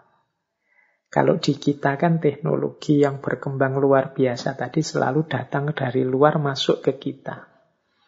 Dikembangkan di sana-sana, kita hanya konsumennya saja. Itu yang membuat budaya peradaban kita didikte oleh mereka yang bikin. Ya apa ya apa ya yang orang yang memproduksi itu yang menentukan yang mengkonsumsi tinggal menikmati. Itu kan namanya didikte nama lain dari dijajah. Nah, teknologi tepat guna itu teknologi yang melihat kebutuhan lokal, memanfaatkan sumber daya lokal sesuai dengan kondisi lokal dan kepentingan masyarakat lokal. Sekarang kita lihat dulu basis filosofisnya teknologi tepat guna ini. Di antara program-program perjuangannya Gandhi ada namanya Gram Swaraj. Gram Swaraj ini artinya Swaraj itu artinya self rule. Self rule ini kalau bahasa Indonesia mandiri. Jadi kemampuan seseorang bersandar pada dirinya sendiri. Atau pakai istilah, kalau Bung Karno itu pakai istilah berdikari, berdiri di atas kaki sendiri. Jadi orang mandiri itu namanya swaraj. Nah, gram, gram itu desa, village. Jadi gram swaraj itu village self-rule. Jadi membangun desa yang mandiri. Desa yang mungkin sederhana, tidak Wow, tapi desa ini mampu memenuhi kebutuhannya sendiri. Nah, ini proyek ini dalam perjuangannya Gandhi namanya Gram Swaraj. Nah, ini ada kalimat bagus dari Gandhi. Merekonstruksi desa kita tidaklah mungkin sampai kita sampai pada titik di mana mereka tidak lagi dieksploitasi. Produksi skala besar dan komersialisasi hanya membawa kepada kompetisi dan marketing yang tidak terkontrol yang bisa menyingkirkan dalam tanda petik masyarakat pedesaan. Maka kita harus mencari cara membuat desa-desa mampu mandiri. Ini upayanya Gandhi zaman itu agar desa ini kan selalu jadi sasaran penjualan produksi skala besar. Mereka itu kalau ingin nyari untung, ya promosi ke desa-desa. Bahkan sampai level yang tidak masuk akal berapa minggu yang lalu saya lupa itu kan saya ceritakan masyarakat tertentu yang kalau sedang panen apa terus belanja besar-besaran barang-barang elektronik termakan oleh promosi. Padahal di desanya belum ada listrik. Akhirnya kulkas dibuat almari, akhirnya mungkin mesin cuci dipakai jadi kolam untuk mandi misalnya. Jadi tidak cocok, tapi mereka dimakan oleh industri skala besar. Dan ini solusinya adalah ya desa-desa itu dia harus mampu mandiri. Kalau tidak ingin ditelan oleh gelombang kapitalisme, gelombang marketing yang tidak terkontrol yang sasarannya selalu masyarakat desa. Itulah nanti namanya Gram Swaraj. Proyek untuk self-rule, desa-desa mampu mandiri. Saya tidak tahu mungkin di antara teman-teman ini ada aktivis-aktivis di masyarakat. Cobalah menggali di tempat itu ada sumber daya yang bisa dikembangkan apa, kebutuhan masyarakatnya apa, kemudian bisa tidak kebutuhan itu dipenuhi oleh sumber daya yang ada di desa itu sendiri. Kalau bisa, maka desa ini akan bisa mandiri. Dia memenuhi kebutuhannya sendiri, tidak butuh bersandar pada orang lain. Nah, bagian dari gram swaraj ini ada nanti istilah swadesi.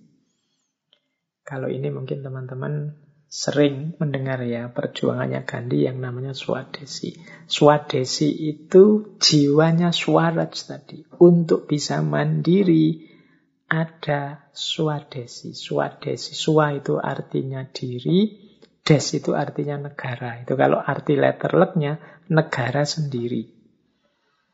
Maksudnya apa? Swadesi itu gerak yang menganjurkan masyarakat membeli menggunakan barang buatan sendiri. Cintailah produk-produk nah, kita sendiri. Nah ini gerakan ini namanya swadesi.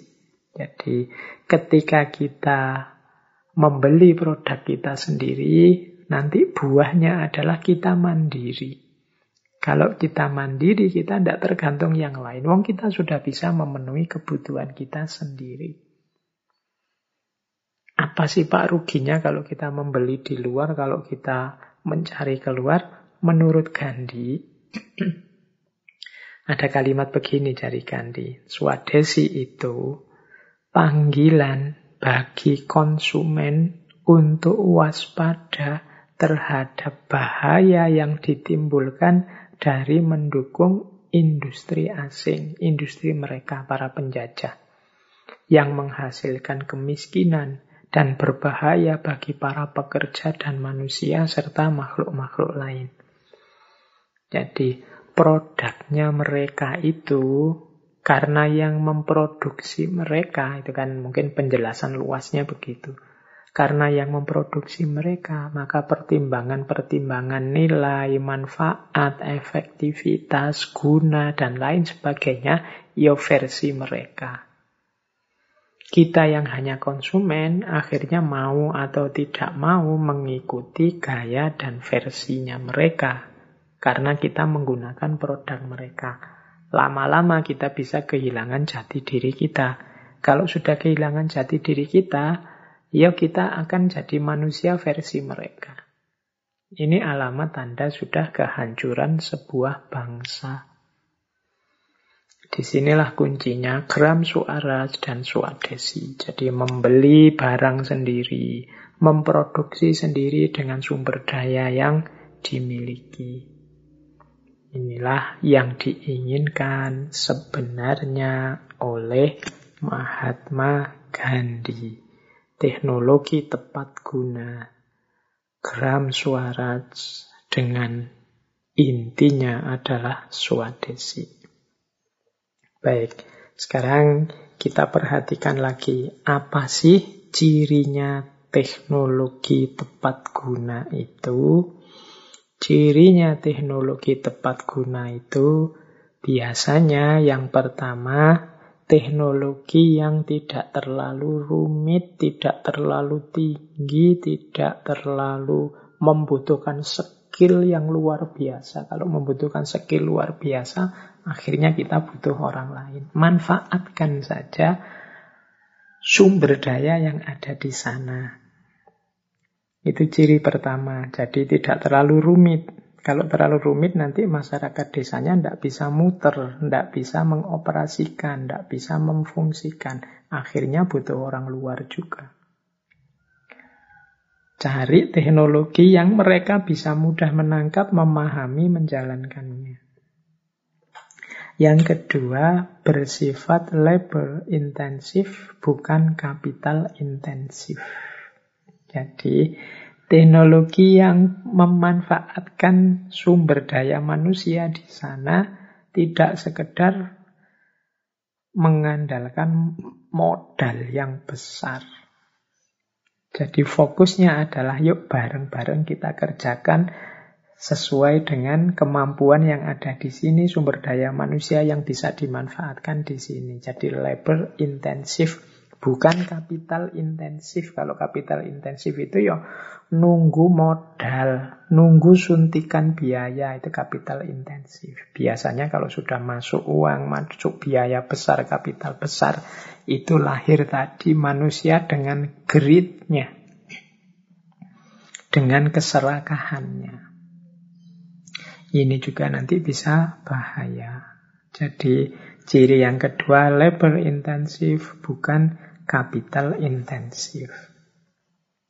Ciri yang ketiga, produksi ini bisa dikonsumsi oleh masyarakat lokal. Yang pertama-tama ini, karena memang untuk memenuhi kebutuhan masyarakat lokal. Dan memutus mata rantai, kadang-kadang kan ada mata rantai seperti ini. Sebenarnya sumber daya di desa ini, di wilayah ini, di negara ini, ini cukup bahan mentahnya ada di situ. Tapi karena SDM-nya tidak terlatih, terus diekspor dulu bahan mentah ini, diolah di luar sehingga jadi barang jadi, baru terus diimpor kembali ke kita. Nah, ini yang mubazir, proses produksi yang merugikan kita. Jadi produksi untuk konsumsi kita sendiri, wong kita yang butuh ya harusnya kita bisa mengelola bahan mentah tadi sendiri, tidak impor dari luar. Wong ya bahannya sudah ada, tinggal melatih orangnya untuk mengolah bahan tadi. Nah, teknologi tepat guna itu teknologi yang bisa memutus mata rantai ini. Mata rantai ekspor bahan mentah dan impor barang jadi. Karena ternyata sumber daya kita untuk mengolahnya kurang. Kurang mampu, kapasitasnya kurang. Sementara sumber daya resource alamnya itu memadai, bahan mentahnya ada. Nah ini teknologi tepat guna itu fokus pada yang ini-ini. Jadi sederhana, mampu dikelola oleh masyarakat lokal. Seandainya mungkin butuh pelatihan-pelatihan, ya tidak lama segera bisa dikuasai. Tidak butuh yang level S2, S3 teknik misalnya. Tidak, ini pelatihan sederhana saja. Kemudian dikembangkan dengan fokus labor intensif bukan kapital intensif. Jadi fokus pada mengefektifkan sumber daya manusia yang ada, bukan banyak-banyakan modal, banyak-banyakan biaya. Dan yang terakhir memutus mata rantai tadi. Jadi kita kirim, bahan di kita keluar, nanti digarap orang lain. Kalau sudah jadi, kita beli lagi, kita impor lagi dengan harga yang jauh lebih mahal. Nah ini antara lain cirinya teknologi tepat guna. Contohnya apa yang sering diilustrasikan dalam teknologi tepat guna versinya Gandhi adalah ini, carka. Carka itu itu yang ada gambarnya, itu alat pintal benang. Itu. Jadi ini diputer nanti bisa memintal benang. Dan Gandhi ini menjalankan proyek ini itu untuk melawan produk-produk dari Inggris yang menghegemoni. Mereka juga masif karena yo mesin untuk produksi kainnya pasti jauh lebih canggih. Tapi Gandhi ini mengumpulkan orang-orang yang pengangguran, dipecat oleh pabrik, di masyarakat sehingga tidak punya pekerjaan karena hadirnya mesin-mesin. Ini kalau dalam sejarahnya bisa ribuan orang yang diangkat yang bisa bekerja seperti yang dilakukan oleh Gandhi ini. Jadi bisa lahir semacam pabrik kain yang baru, tapi tradisional versi mereka. Tujuannya untuk memenuhi kebutuhannya sendiri, tidak muluk-muluk. Dan ini adanya carha ini, ini simbol bagi simbol dalam empat hal. Yang pertama, simbol kekuatan ekonomi. Jadi simbol kekuatan ekonomi itu ternyata masyarakat kita tanpa tergantung di luar itu mampu memenuhi kebutuhannya sendiri. Bisa memproduksi kain, mungkin bisa menjual kainnya, sehingga memenuhi kebutuhan hidup dari situ. Ini jadi dasar kekuatan ekonominya masyarakat. Yang kedua, simbol kemandirian. Kalau sudah begitu kan berarti terus masyarakatnya mandiri. Tidak tergantung dengan produk-produk luar. Yang ketiga, membiasakan namanya minimal consumption. Yang paling berat sebenarnya yang ketiga ini. Apalagi hari ini kita sudah terlanjur masuk gaya hidup yang konsumtif. Berarti kalau kita masuk ke ranah istilah ini minimal consumption itu berarti ya kita mengurangi konsumsi-konsumsi yang tidak perlu. Kalau tidak percaya, coba deh teman-teman membuka lemarinya sendiri-sendiri. Di lemari teman-teman ada berapa baju? Kira-kira dari sebanyak itu baju itu makainya kapan apalagi zaman pandemi ini. Itu pun kita masih tergoda terus untuk membeli baju-baju lagi. Begitu buka HP nanti ada promosi dari market-market online itu terus kita pingin ah ini ada baju baru bagus murah. Begitu beli kecewa. Terus ada lagi ingin beli lagi. Jadi kita boros di consumption. Kita bangsa yang konsumeris. Nah latihan kayak Gandhi ini apa? Minimal consumption. Gandhi tidak cuma ceramah beliau juga mencontohkan langsung Coba dilihat gaya berpakaian, gaya hidupnya Gandhi. Ini yang disebut minimal consumption. Kalau kita mampu minimal consumption, kita tidak akan tergantung orang lain. Pasti kita bisa memenuhi kebutuhan kita sendiri. Dan yang paling penting sebenarnya yang nomor empat ini perlawanan terhadap hegemoni dominasi barat. Ya kalau di India kasusnya ya Inggris. Jadi penjajah itu kan kadang GR. Kalau tidak ada mereka, tidak ada masyarakat terdidik, tidak ada alat-alat modern yang masuk, tidak ada kecanggihan-kecanggihan barat diperkenalkan. Nah, gaya model Mahatma Gandhi ini antitesis terhadap promosi-promosi budaya barat yang diperkenalkan di India saat itu. Jadi seolah-olah ingin menunjukkan bahwa meskipun tidak membeli produk-produknya barat, kita bisa memenuhi kebutuhan kita sendiri. Dan ada banyak hal yang mereka tawarkan yang kita tidak butuh kok. Kita butuhnya cuma ini untuk hidup. Karena hidup ini tidak sekedar memenuhi selera ketamaan fisik.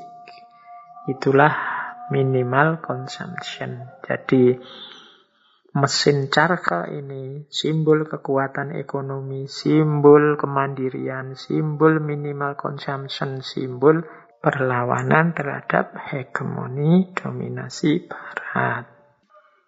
Oke, kita lanjutkan. Ini bagi teman-teman yang tertarik lebih jauh untuk belajar tentang teknologi tepat guna seperti gaya Mahatma Gandhi ini hari ini sudah banyak buku yang membahas itu.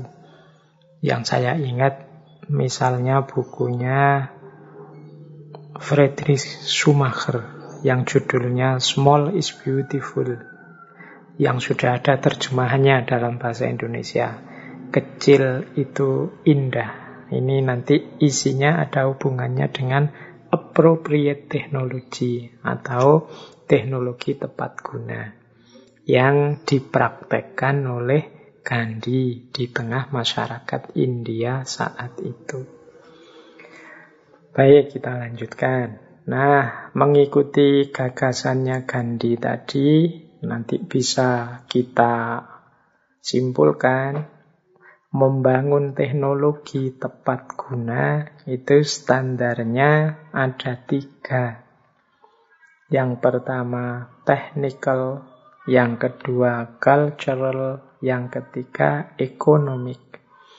Yang pertama teknis, yang kedua dari sisi budaya, dan yang ketiga dari sisi ekonomi. Kalau dari sisi teknis, teknologi ini dibangun dengan memperhatikan kapasitas pengetahuan dan latar belakang hidup masyarakat yang akan menggunakan teknologi ini. Ya kalau level pendidikan masyarakatnya misalnya terlalu rendah, misalnya ya sebelum diterapkan teknologi ini yang mungkin sulit mereka pahami, berarti ya harus ada upgrade pengetahuannya dulu. Pelatihan-pelatihan mungkin.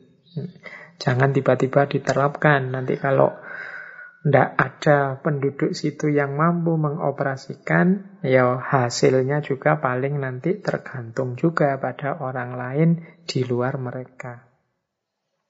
Jangan lupa juga latar belakang masyarakat yang akan menggunakan teknologi ini. Ini teknologi ini benar bermanfaat, mereka butuhkan atau sebenarnya mereka ini jadi pekerja yang memproduksi nanti yang menikmati orang lain.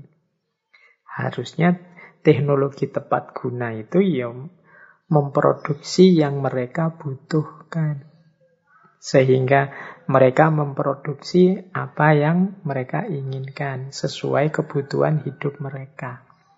Tidak sekedar mereka memproduksi terus dijual ke orang lain. Tapi pertama-tama mereka memang membutuhkan itu. Nah ini urean-urean versi Gandhi. Ya, kalau kita ingin mengadaptasi teknologi ini untuk zaman kita, ya tinggal kita sesuaikan dengan situasi hari ini. Meskipun tidak sekaku yang dilakukan oleh Mahatma Gandhi. Tapi paling tidak visinya kan sudah kita peroleh. Bagaimana mengembangkan teknologi yang bermanfaat secara konkret, positif untuk masyarakat sendiri sehingga mereka mandiri. Yang kedua, standarnya adalah standar kultural. Standar kultural ini ya pengembangan teknologi Jangan sampai menghancurkan sistem sosial budaya dan nilai-nilainya yang ada di tengah masyarakat. Apakah itu sistem keluarga, sistem kepercayaan, pembagian kerja, dan lain sebagainya. Ini aspek kulturalnya. Berarti jangan sampai masyarakat mengembangkan teknologi yang ya memang mereka butuhkan sesuai kepentingan mereka, tapi ternyata malah isinya nantinya menghancurkan sistem keluarga, menghancurkan nilai-nilai moral, menghancurkan nilai budaya yang ada di sana. Ini juga jangan sampai terjadi. Ini harus tidak melampaui batas-batas norma-norma nilai kulturalnya. Yang ketiga, secara ekonomi, teknologi yang dikembangkan secara tepat guna itu ya meningkatkan hidup ekonominya masyarakat. Dari situ mereka semakin mampu membiayai hidup sendiri. Kemudian tidak lagi jauh jarak antara yang kaya dan yang miskin. Karena semua lapisan masyarakat diuntungkan oleh perkembangan teknologi yang baru yang tepat guna itu.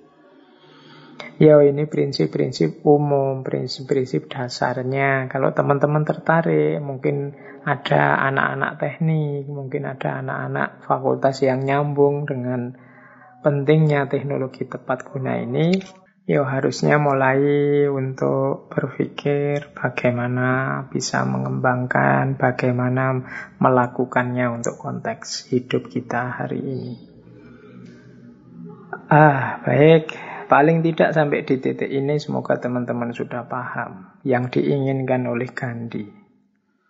Kira-kira teknologi macam apa, yang cirinya seperti apa, yang patut kita adopsi, kita kembangkan dalam konteks kemandirian kita. Oke. Nah, meskipun begitu, ada biasanya proyek-proyek semacam ini hal-hal yang menghalangi kesuksesannya. Ini ada ada kajian yang menyebut sulitnya mengembangkan teknologi model tepat guna ini antara lain ada empat penghalang kesulitannya. Penghalang yang pertama apa biasanya tidak siapnya masyarakat.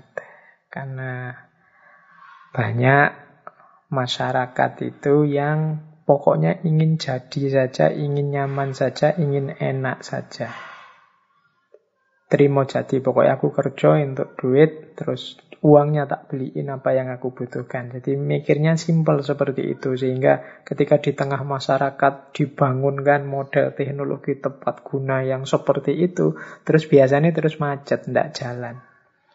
Jadi masyarakatnya tidak mendukung. Mereka tidak siap untuk diajak serius kerja bareng-bareng untuk kemandirian bersama. Ini tantangan PR. Ya syukur-syukur bisa diselesaikan mungkin dengan pendekatan-pendekatan yang lembut, yang kultural. Yang kedua, pola pikir. Yaitu tadi tidak siap itu biasanya karena pola pikirnya juga susah diubah. Masyarakat itu biasanya kalau sudah gayanya begitu, itu mengubahnya lama, sulit. Apalagi kalau sudah punya idola-idola Apalagi kalau punya afiliasi-afiliasi organisasi yang idola-idolanya atau organisasinya tidak mendukung ke sana, itu akan lebih sulit lagi untuk mewujudkan perjuangan demi lahirnya teknologi yang tepat guna ini. Yang ketiga, kalau ini dari pemerintah atau yang punya kekuasaan, fasilitasi yang tidak sepenuh hati. Jadi yang memberi modal, yang memberi fasilitas, yang mungkin yang sedang berjuang menerapkan itu juga tidak terlalu yakin, tidak sepenuh hati. Kerja kemasyarakatan untuk teknologi tepat gunanya hanya sekedar sambil lalu. Nah, kadang-kadang kan sebagian besar aktor-aktor, agen-agen perjuangannya punya pekerjaan yang lain. Mungkin disambi jadi dosen, disambi jadi guru, disambi apa, sambil mengembangkan teknologi ini. Akhirnya tidak sepenuh hati. Kalau tabrakan dengan urusan yang lain, ya ditinggal. Sehingga dia akhirnya jadi sekunder proyek ini. ya susah suksesnya kalau semua pihak tidak sepenuh hati. Kemudian pembinaan yang tidak berkesinambungan. Pembinaan yang tidak berkesinambungan itu ya ini kan perlu pendampingan terus masyarakat ini sampai mereka benar-benar mandiri. Biasanya kan pembinaan ini lahirnya dari pemerintah yang punya kewenangan, yang punya kekuasaan.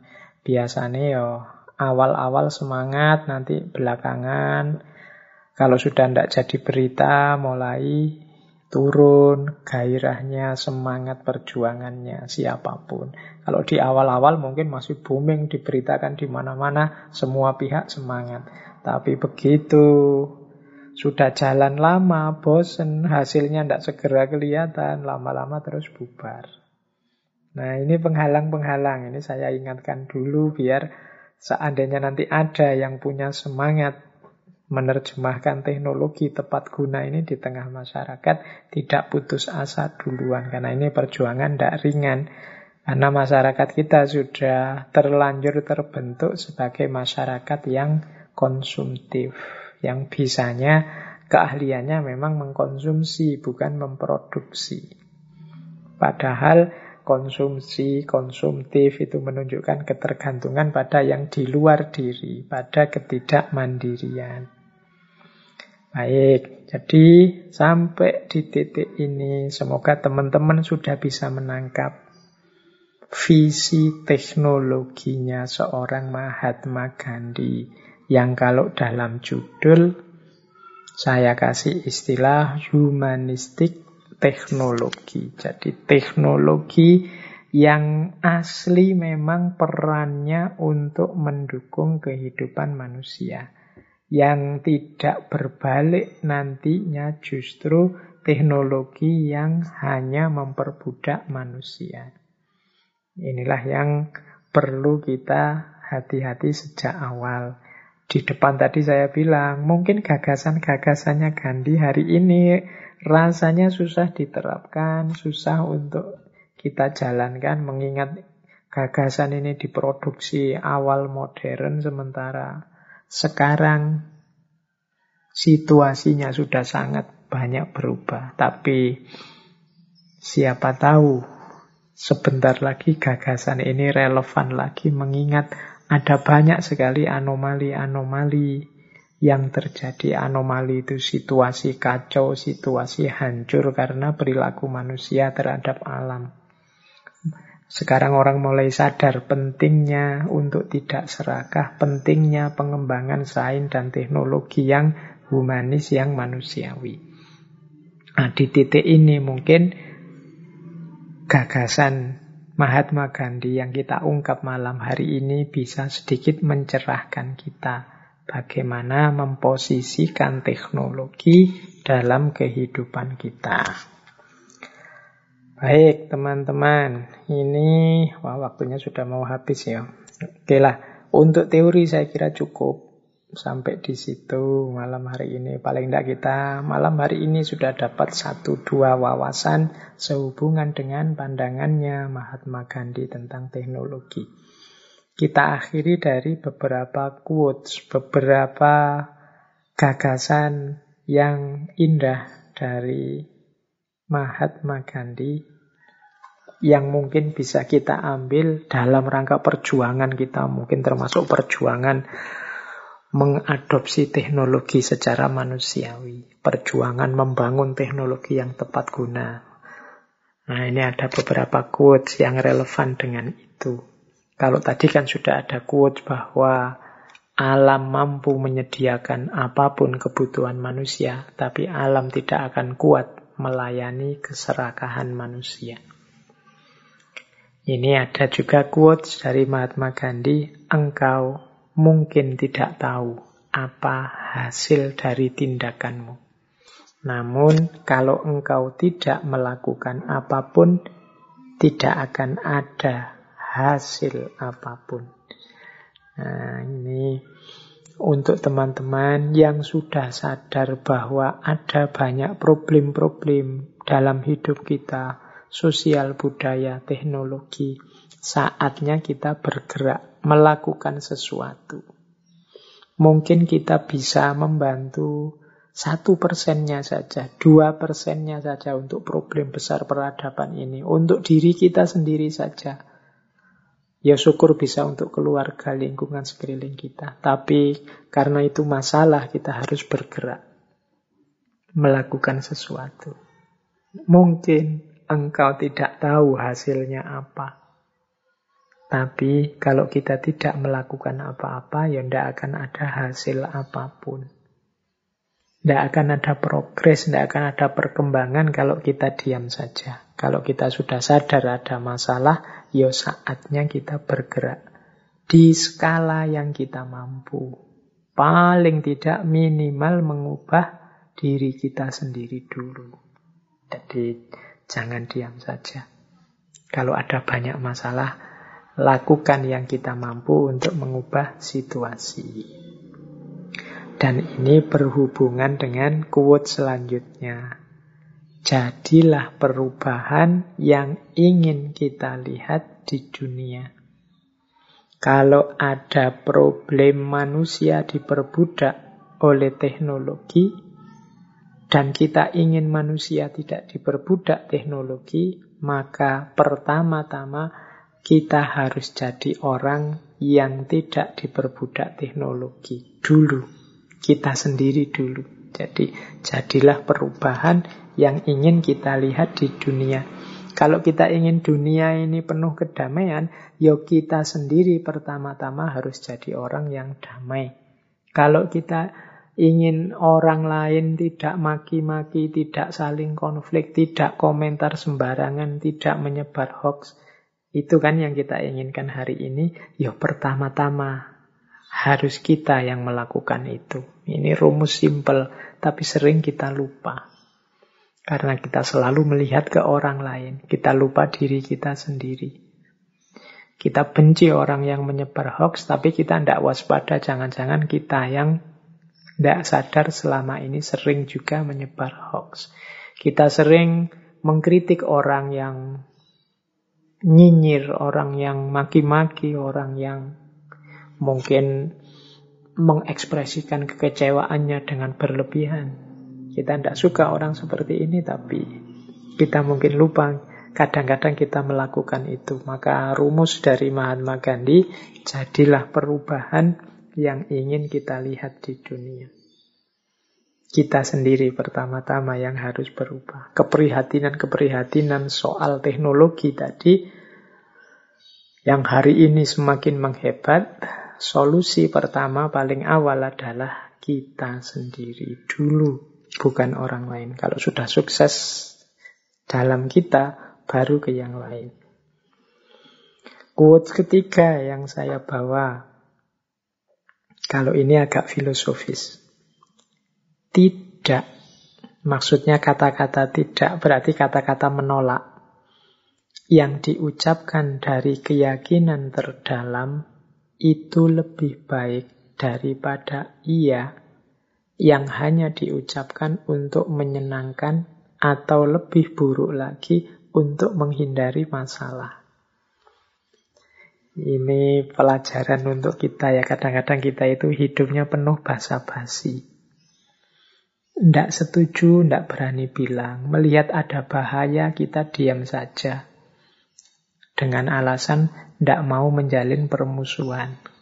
Tidak berani bilang tidak. Padahal menurut Gandhi ya tidak, tapi kita yakin tentang tidak itu. Yang muncul dari keyakinan terdalam itu lebih baik daripada iya. Iya yang hanya basa-basi untuk menyenangkan. Atau iya yang sekedar untuk menghindari masalah. Karena dengan kita tidak berani bilang tidak, ya masalah tidak akan selesai. Dengan kita hanya basa-basi saja ya masalah tidak akan selesai. Kayak kalau dosen ngajar itu di kelas, ada pertanyaan, sebenarnya ada. Tapi kita, ah, kalau saya tanya ini jangan-jangan dosennya tersinggung, sudahlah, tidak apa-apa. Itu kan demi basa-basi atau demi menghindari masalah. Akhirnya problemnya tidak selesai. Gara-gara kita tidak berani bilang tidak, tidak berani bertanya. Maka apalagi untuk kita yang intelektual.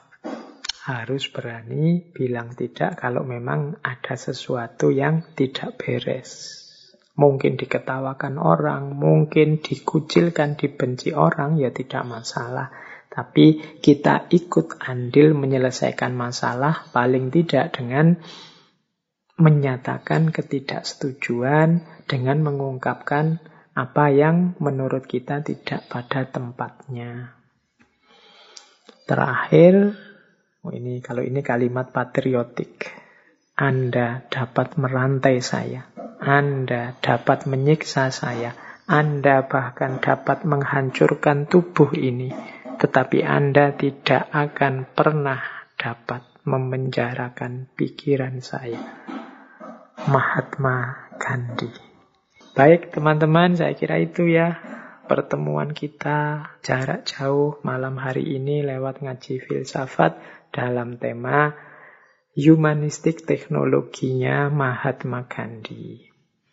Semoga ada sedikit-sedikit manfaat yang bisa kita ambil dari materi malam hari ini, ya ini mungkin materinya versi materi anak-anak kampus, tapi yang tidak dari kampus pun sedikit-sedikit semoga bisa mengambil manfaatnya. Minggu depan kita keluar dari tema teknologi karena mungkin ini sesi terakhir menjelang puasa. Rabu depan kita akan membahas tentang puasa dari perspektif filosofis. Baik, kurang lebihnya mohon maaf.